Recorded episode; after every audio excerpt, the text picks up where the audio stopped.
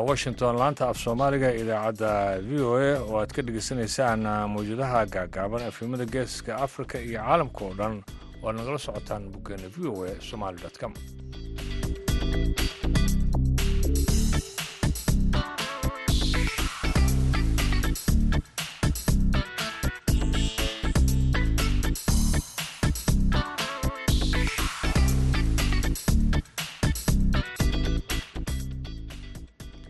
wanaagsan dhegeystayaal dhammaantiinba. Maanta waa jamco bisha julayn waa toddoba sanadkana waa laba kun iyo saddex iyo labaatanka. Afrikada bare saacaddu haatan waxay tilmaamaysaa kuudii iyo barkii duhurnimo. Waxaana idaacadda duhurnimo ee barnaamijka dhallinyarada ee maanta idiin soo jeedinaya anuga ibraahim xasan daandurey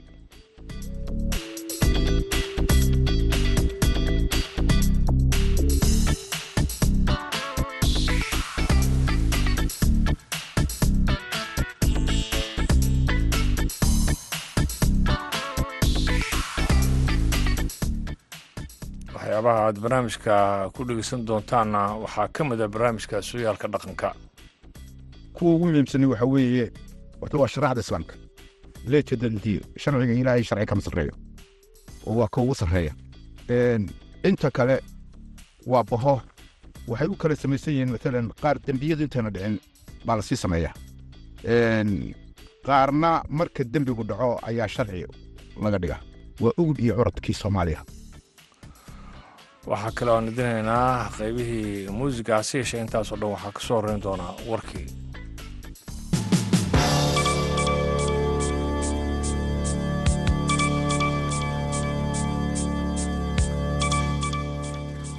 xambaarin naadir oo loo jeediyey israa'iil ayaa xogeyaha guud ee qaramada midoobay antonio guteres waxa uu dhaleeceeyey adeegsiga xaddhaafka ah ee israa'iil ay u adeegsatay howlgalkeeda ugu weynaa milatariga labaatankii sano oo lagu bartilmaamistay xero qaxooti oo ku taala daanta galbeed xogeyaha guud ee qaramada midoobey antonio guteres oo si cad uga carooday saameynta israa'iil ay ku yeelatay xerada qaxootiga ee junin ayaa sheegay in howlgalkaasi ay ku dhaawacmeen in ka badan boqol qof oo rayada islamarkaasina kumanaan qof ay ku qasbeen ciidamada israa'iil inay qaxaan ayna burburiyeen dugsiyo iyo cusbitaallo iyo shabakadihii biyaha iyo korontada. Antonio guteres waxaa sidoo kaleeto uu ku dhaleecayay israa'iil inay hor istaagtay kana hor istaagtay dadka dhaawaca ah inay helaan daryeel caafimaad iyo in shaqaalaha howlaha bini-aadminimo ay gaaraan cid kasta u baahan. Si adag ayuu guteres u dhaleecayey dhammaan falalka xadgudubka ah ee ka dhanka dadka rayadka ciidamada israa'iil ayaa laba falastiiniyiin ah oo ay sheegeen inay baadigoobayeen waxay ku dileen magaalo ku taala daanta galbeed ee la haysto maanta maalmo kadib markii israa'iil ay soo gebagabaysay weerar cuslaa oo socday laba maalmood oo ay ku doonaysay mintidin gacanka hadalkan joogtada ah ayaa wuxuu dhaliyey su'aalo la xiriira waxtarka weerarkii horaantii toddobaadkan lagu qaaday xerada qaxootiga ee jiniin kaasoo israa'iil ay duqeymo ay geysatay ay ku bartilmaameysanayso waxa ay ku sheegtay mintidiin boqolaal ciidan ayay geysay halkaasi waxaana ay burbur xoogan u geysatay waddooyinka guryaha iyo ganacsiga iyadoo lagu dilay laba iyo toban falastiiniyiin ah iyo hal askari oo israa'iila gacanka hadalkaasi. Sweden iyo turkiga ayaa waxoogaa horumar ihi waxa ay ka gaareen wadahadaladii looga gon lahaa in looga gudbo diidmada madaxweyne rajab dayib erdogan ee ku aadan in dalkaasi uu ku biiro nato laakiin weli ay jiraan daldaloolo hogaamiyaasha dulalkaasi ayaa waxaa la sheegay inay kulmi doonaan toddobaadka soo socda si ay uga wada hadlaan arrintaasi sida uu sheegay xogeyaha guud ee nato jenes stoltenberg. Nato ayaa rajeynaysaa in dhibaatooyinkaasi la xallin doono ka hor shirweynaha bisha julaay dhici doona kow iyo tobankeeda ilaa iyo laba iyo tobankeeda oo la filayo in lagu qabto latuweynaya kubiradda sweden ee nato ayaa waxay noqon doontaa astaan wakhti awood leh iyo tilmaamihii ugu dambeeyey ee ah in dagaalka ruushka ee ukrain uu ku riixayo dalal siday ugu soo biiri lahaayeen isbahaysiga rajooyinkaasina ay jireen laakiin ay burbureen. Warkiina dhegeystayaal waa naga intaas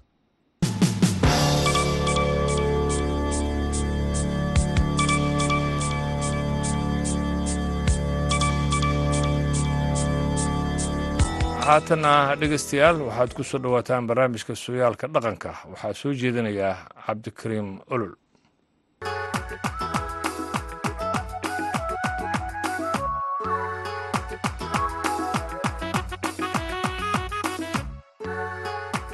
kulanti wacan oo wanaagsan dhegaystayaal ku soo dhowaada barnaamijkeenii sooyaalka dhaqanka oo toddobaadkan idinka imanaya magaalada kalabaydh ee xarunta gobolka sool.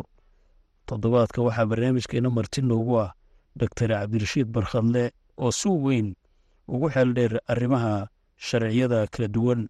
Barnaamijkeenna ayaanu diiradda ku saaraynaa sharciyada iyo qawaaniinta dunida hadda cusub iyo waayihii hore ee soomaalida.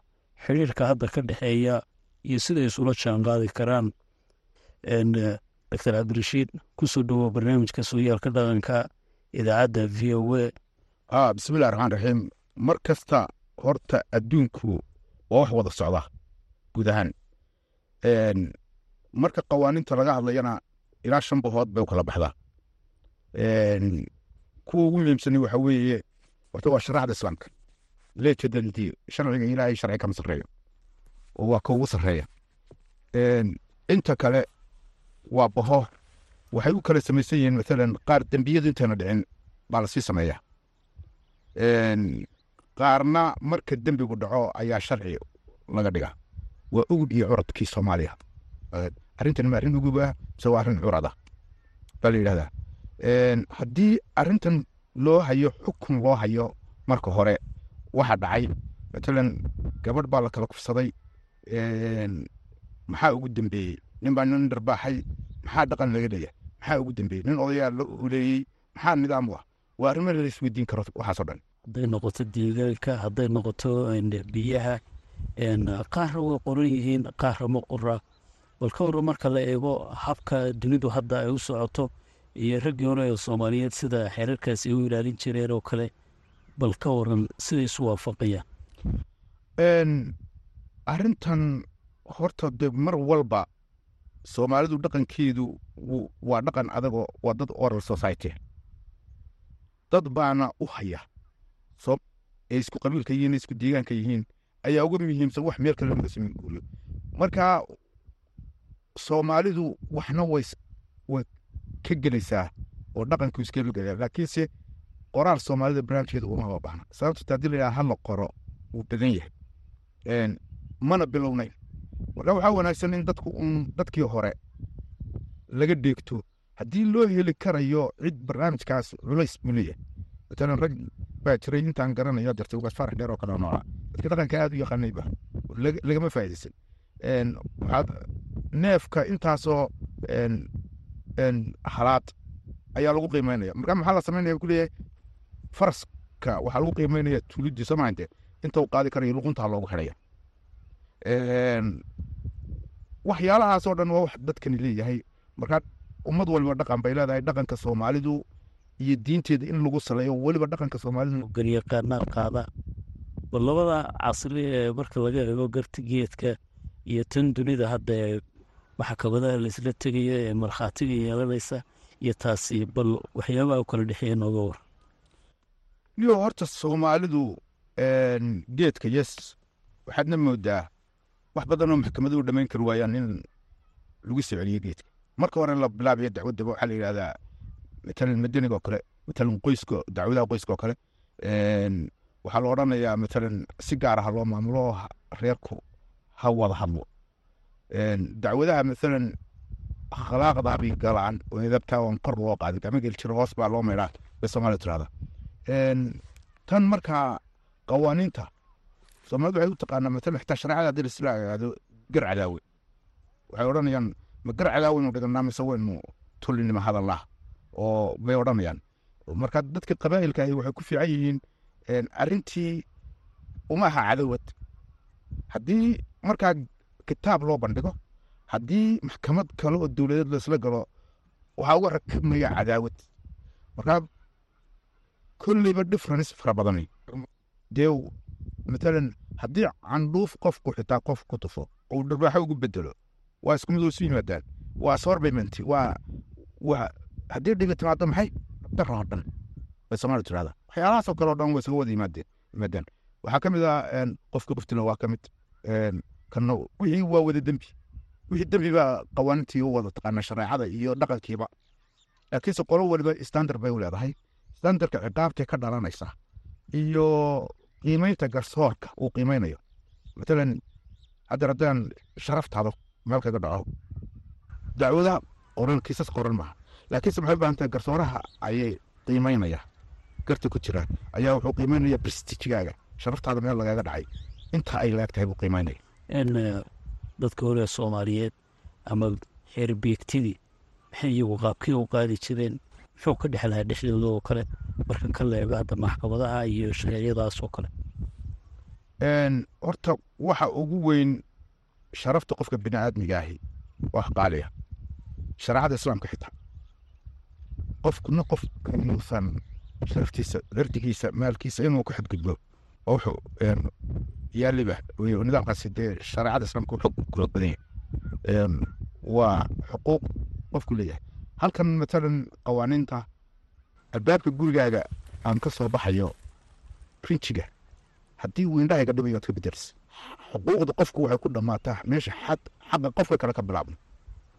Xaqaagu ka bilaabmaya ku dhammaanaya dhaqankeenna waxaa weeye war dadkani waa ood wadaag waa ma garanaysaa waa ehel waa xidid waa ma garanaysaa qof bay standard buu leeyahay xitaa lagu sii kala maamulaya baa jira marka waxan oo dhani waxay isugu imanaysaa inta badan dee in qolo waliba deegaanka ay leedahay ku nooshahay dadkii baan isku xitaa deegaan ahay nin gabadh kaa qaba haddii aad dhexdaada magan ku ah oo kale dad ku hayso waa dembi yaalla waxaa intaasoo halaad baa ka xukumanaan karaya inaadan dili karaynin waxaa jira waxa la yidhaahdo ma garanaysaa berimageydo baa jira.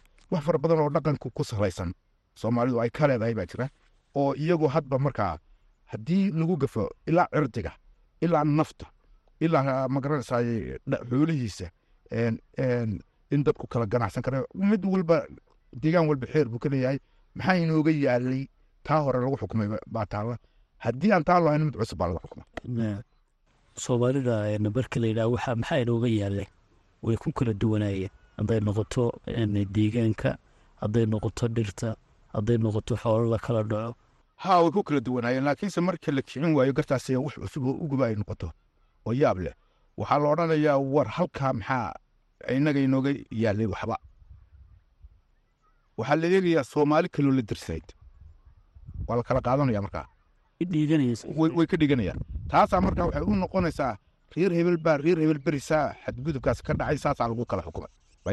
Markaa waxay ku furfuranayaan garta waxyaalaha ilaalinaya iyada miimkaadin weydiin waxaa ka mid ah qofka kani eg diintu waxay leedahay ninka garsooraha waxaan gowracnay bilaa sakiin halkana ilaahow gar ee xana naga tegin ilaahow ixnaa naga tegin aqoonna hanagu cadaabin waxyaalaha ilaalinaya ee qofku uu sheeganayo inuu magaraysa dhaqanka soomaalidu mahmaayaalkiisa baa laga baadi doonaa haddii economic kale ka tahay waad ka yarsaa dhaqankii matosha matashiisha magaraysa baa rag ugu liita sooma haddaad nooc ka garsoor tahay waad ugu tegaysaa ee ilaahow nagu cadaabin mid walba mahmaahayo nidaam u dejisan oo ku salaysan shaqadan la qabanayo baa taala garta geedka xeerbeegtida waa la duraa ta maxkamadahana garyaqaanada iyo dadka garta qaadaya waa la duraa labada farqiya u kala dhexeeya maxay yihiin? Waxaa u kala dhexeeya midna waa dowladaha waktiga cusub oo nidaamka caalamka maanta ka jira ayay raacaysaa.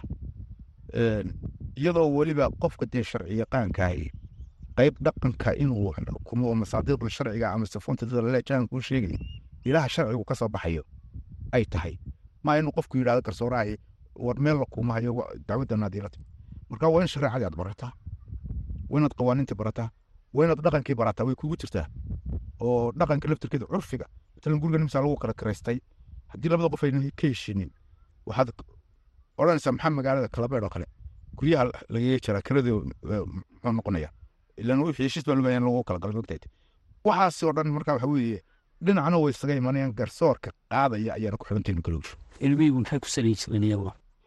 iyagu waa dhegasho waxay xeer iyo nidaam u ahayd maxaa inooga yaalay odayaashooda ciddan ay ixtiraamayaan diiwaanulmalakiya wax badan baa u yaalay moogta in layidhaha boqorka inoo kale xukuma oo kale oo garaadka ha dee u art oo adkaatay ninka boqorka dee reerka wa inagu garaad un baynu naqanaa ugaasiyaynu leenahay waynu fara badannahay suldaanaynu leenahay waa darajooyin jira. Oo dhaqankii soo wadagelaya marka cidda reerka boqorka u ah ayaa mar wax kala xukuma. Oo marka matalan lagu kala hagooganayo laba reer oo kale isagu gelaya gariiqaane hadda waxaynu aragnaa colaadaha iyo dadka waxyaabaha u dhexeeya oo kale waxaa jirta in heshiisyadu fuli waayaan oo dadka qaarkood inta la dhaariyo ama ay beeruhu heshiiyaan ama xukunadu ay fuli waayaan oo mar kasta la arko in khilaafka dadka soomaaliyeedu ku soo noqnoqdo ama ceel ha isku qabsadeen ama deegaan ha isku qabsadeen bal ka war. Mushkiladda keenaysa tii dhaqanka way saxsanayd waana lagu galbaa jira mushkiladda ku soo korodda waa ta siyaasadda. Marka ay noqoto ceel yar oo meel laga qodayo laba qabiil ay ilmaadeera ku wada hadasho ayaa qolo waliba meesha hilaac uga baxaya. Kadibna waxaa milixdan ku shubno aan lugta la gal. Lagalka ay lugta la gelayaan ayaa qarxa keenaya iyagaa markaa saanadii kala siinaya iyagaa dhibaatada kala sameynaya waxaan markaa waa problemska ay jiraan burburka uu sababay burburkan maanta yaalla. Beriga hore qabayladu waana dagaalami jireen wayna ishan jiren wax fudud baad. Layskuma soo noqnoqon jirin. Weliba axadiga waxaa la yidhahda xitaa haddaan la dhaarin wax ku adag buu soomaalida ahaa. Ballantu ahayd balan tahay. Marka tani waa arrimaha burburka iyo maamulada especially meelaha deegaanadeenoo kale ah. Waxyaalaha ka dhacayay cidda shaqada haysa inayna daacad ka hayn oo kale. Soomaalida waxaa ka mid ahayd geeyaa laysku qabsanaya laba qabiil isku qabsanayso waaba la gowracaya saaf si khilaafka loo saaf jiro marka arrimahan haddii ayna daacad ka ahayn cidda shaqada haysaa ka badan yahay waxyaabaad ku talinayso oo si nabadgelyo waarta loo helo carshinta iyo deegaanka miyigii hadda way ka soo gudubtay dadka magaalooyinka qaarkood way isku qabsadaan oo waxa ugu badan. Waxaan ku talinayaa. Inta eeg waxaa layidhi ilaahay kaga bad inta aad taqaanid. Inta aad gacanta ku haysa dacad ku noqo. Qofka hadduu inta uu gacanta ku hayo ama qaanuun ha noqoto ama xeer ha noqoto waxyaalo ciladii way jiraan oon arkay matalan odayaal reer miya oo aan mar gar isugu nimi baa jiray anoo marka abena lowriyaato dee markaas soo qalin markaan isugu nimi waxaa dhacday in la yidhi yaa kiiskan wax xoga ka haya labadii nin inta la diray markii ay dacwaddii noo dhiibteen yaa xog ka haya marka xog taasaa lagu salaynaya waa qabsada haddaad xogaasi damarhaati noqo kii aad adigu haysay ku samaysa intiina kala qaadatan waa dembi marka arrimahaasi waa aqoon darro ku dhacaysa oo waxay imanaysaa masalan saddex weeye qudaadu mid cilmi leh oo xaqi xukumaya mid aan cilmi lahaynba waxan baan garanay oo muxuu ku dhacay cilmi darro xukumaya magti oo xukumaya iyo mid xaqi garanaya laakiin si joog xukumaya. Marka mid baa laalush ku qaadanaya oo garsoor ah oo lacag ku qaadanaya mid baa aqoon darro ku geliya oo kiisas badan oo soo arkay oo dee imanaya. Marka in dadka garsoorka joogana tariir la siiyo. Kuwa dhaqankana dhaqankooda tariir lagu siiyo. Oo dib loogu cusboonaysiiyo baad bay u baahan tahay. Oo arrintaasi loo sameeyo qaabkayna u wada shaqay lahaayeen nidaamkaasaan odhana dhegeystayaal waxay taasi noogu eeg barnaamijkeeni sooyaalka dhaqanka oo toddobaadkeedii ka imanaya magaalada kalabeyn waxaana marti noogu ahaa garyaqaan cabdirashiid barkhadle. Toddobaadka waxa uu ku saabsanaa xeerarka iyo dhaqanka soomaalida kuwa cusub iyo dunida siday ula jaan qaadi lahaayeen. Barnaamijkaasi intaanu ku kulmi doono mid la mid a dhammaantii waxaan idinkaga tegaynaa sidaas iyo nabadgeli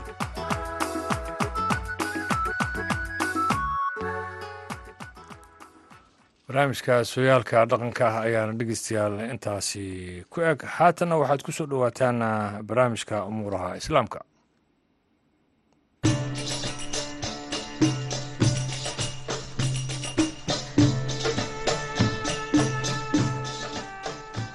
kulanti wanaagsan idilkiinba akhyaartana dhegaysanaysa meel kastoo aad caalamka ka sugan tihiinba kuna soo dhowaada barnaamijkeenii amuuraha islaamka.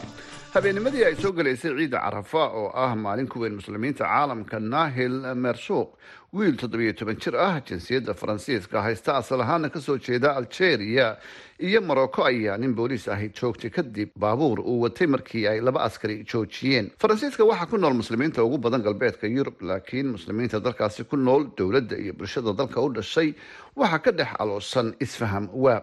Barnaamijkeenna amuuraha islaamka ayaynu ku eegeynaa haddii ilaahay raalli ka noqdo ugu horeyn booliisku waxa ay dhacdadan ku tilmaameen mid isdifaac ah oo sharci ah laakiin sheegashadaasi waxaa been abuur ka dhigay.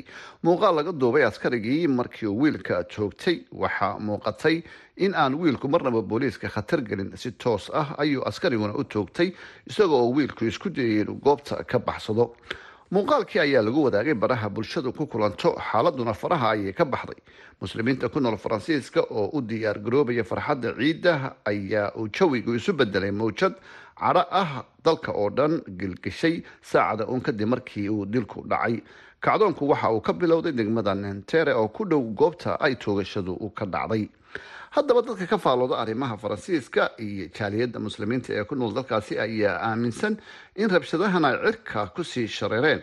Cadaalad darro soo jiitamaysay oo ay tirsanayaan muslimiinta ku nool wadankaasi maxamed cabdulaahi axmed oo degan magaalada baariis kana faalooda arrimaha faransiiska ayaa sidaasi qaba.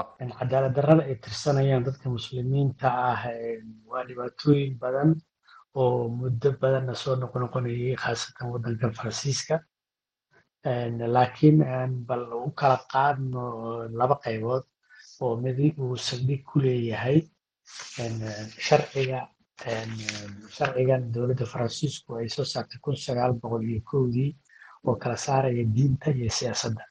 Sharcigan waxaa la dhaqan geliyey ee sagaalka disembar kun sagaal boqol iyo kow wuxuu ku dhawaaqayaa xorriyadda damiirka waxa uu damaanad qaadayaa cibaadada xorta ah laakiin isla sharcigan waxa uu nadaaminayaa ku dhaqanka diinta ee fagaarayaasha dadweynaha. Si kale haddii aan u iraahdo qofku waxa uu muujin karaa waxa uu aaminsan yahay iyadoo la ilaalinayo xadka ixtiraamka dowladnimo waana meeshaas meesha uu isfahm la'aantu ay ka jirto. Tan labaad waa wax jira cadaalad darrada bulshada muslimka ah in ay dareemaan in laga saaray nolosha dhaqaale bulsho iyo dhaqan. Aragtiyo laga qaaday dadka faransiiska muslimiinta ah waxay sheegayaan in ay baylahda mararka qaarkood uga faa'iidaystaan saraakiisha shaqaalaha iyo milkiilayaasha guryaha oo ay mararka qaarkood adag tahay inaad kiraysato guri. Sidoo kale waxay leeyihiin dadkaasu waa dadkaas la wareystay. Waxaana loo arkaa inaan nahay shisheeye khatar ku ah bulshada oo ay noola dhaqmaan si shaki ah dareenkan ayaa ku sii xoogaysanaya dhallinyarada muslimiinta ah ee ku dhashay dalka faransiiska. Arrinka cajiibka noqday dadka mudaharaadayaasha ku lug lahaa rabshada waxaa ku jiray da-yar da-doodu tobaneeyo sano wax yar ka weyn tahay. Waxa aanay u badnaayeen dhalinka yar siddeed iyo toban jir. Saciid ciro oo degan magaalada baris oo falanqeeya arrimaha faransiiska ayaa isagu waxa uu qabaa in ay muslimiinta wadanka ku nool iyaga laftooda ay xataa qayb ka yihiin isfahan waaga jira rabshadahan ayay qaarkood dadka ka faalooda arrimaha faransiisku waxay iyaguna ku sifeeyeen nooc mucaaradnimo siyaasadeed oo ay muujinayaan jiil muslimiin ah iyo dhalinyaro aan caddaan ahayn oo noloshoodu ay u arkaan inay ka liidato khayrkooda faransiiska ah marka la eego sinaanta helista fursadaha iyo dallacaadaha shaqooyinka ilaa sannadkii koob iyo labaatan kacdoon oo rabshado wato siyaabo kala duwana u bilowday ayaa ka dhacay dalkaasi faransiiska. Badankooduna waxaa la sheegay inay asal u ahaa cunsuriyad la sheegay inay booliiska faransiisku ku kaceen intaasi ayaynu dhegeystayaal ku soo gabagabanaynaa barnaamijkeennii amuuraha islaamka. Anigaoo ah cabdixaafid cawil ismaaciil ayaa soo diyaariyo oo idinla socodsiinayay. Tan iyo inta aynu mar kale kulmayno haddii ilaahay raali ka noqdo sidaas iyo jimca wanaagsan.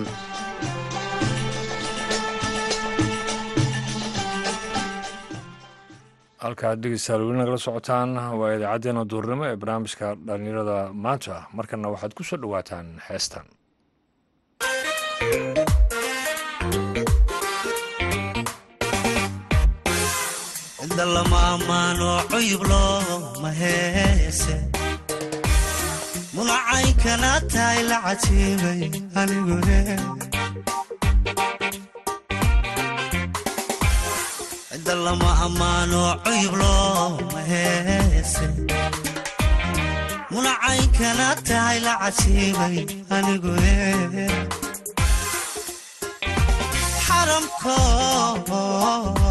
la ciidiyo carafay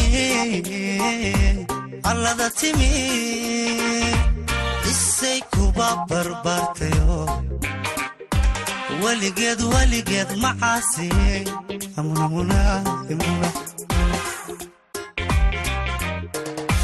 xaramko la ciidiyo allada timi isay kuba barbaartayo weligeed weligeed macaasi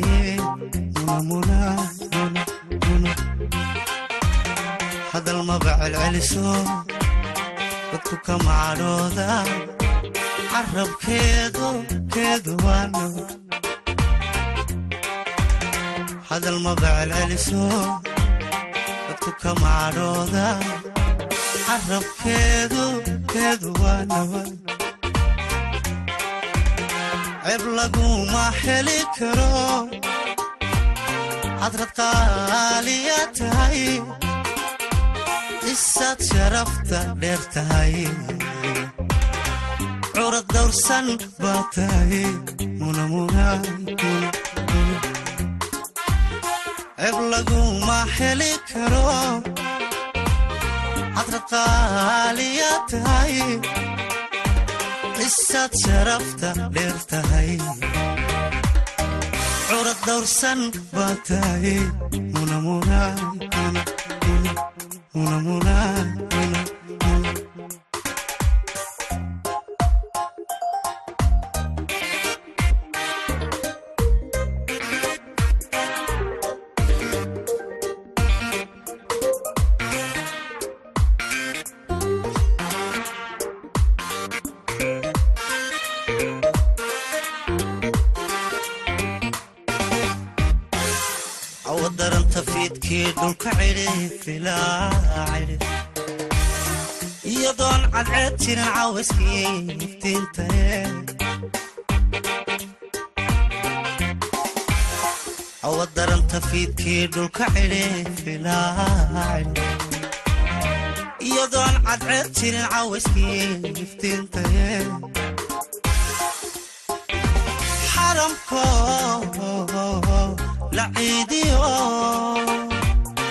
carafay arlada timi isay kuba barbaartayo weligeed weligeed macaasi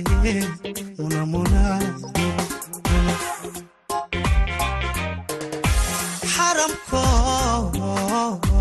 la ciidiyo carafay arlada timi isay kuba barbaartayo. Weligeed weligeed macaasi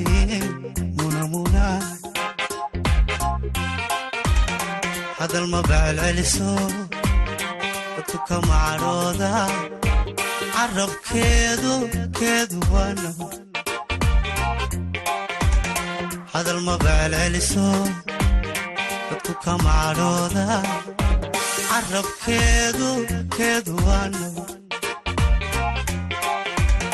ceeb laguma heli karo. Heestaasi muna waxaa qaaday maxamed bikey waxaana ugu dambeysay idaacaddeenni duurnimo ee barnaamijka dhalinyarada maanta. Ee taan mar kale kulmi doonno waa anigoo ibraahim xasan daanduray oo dila nabadgelyo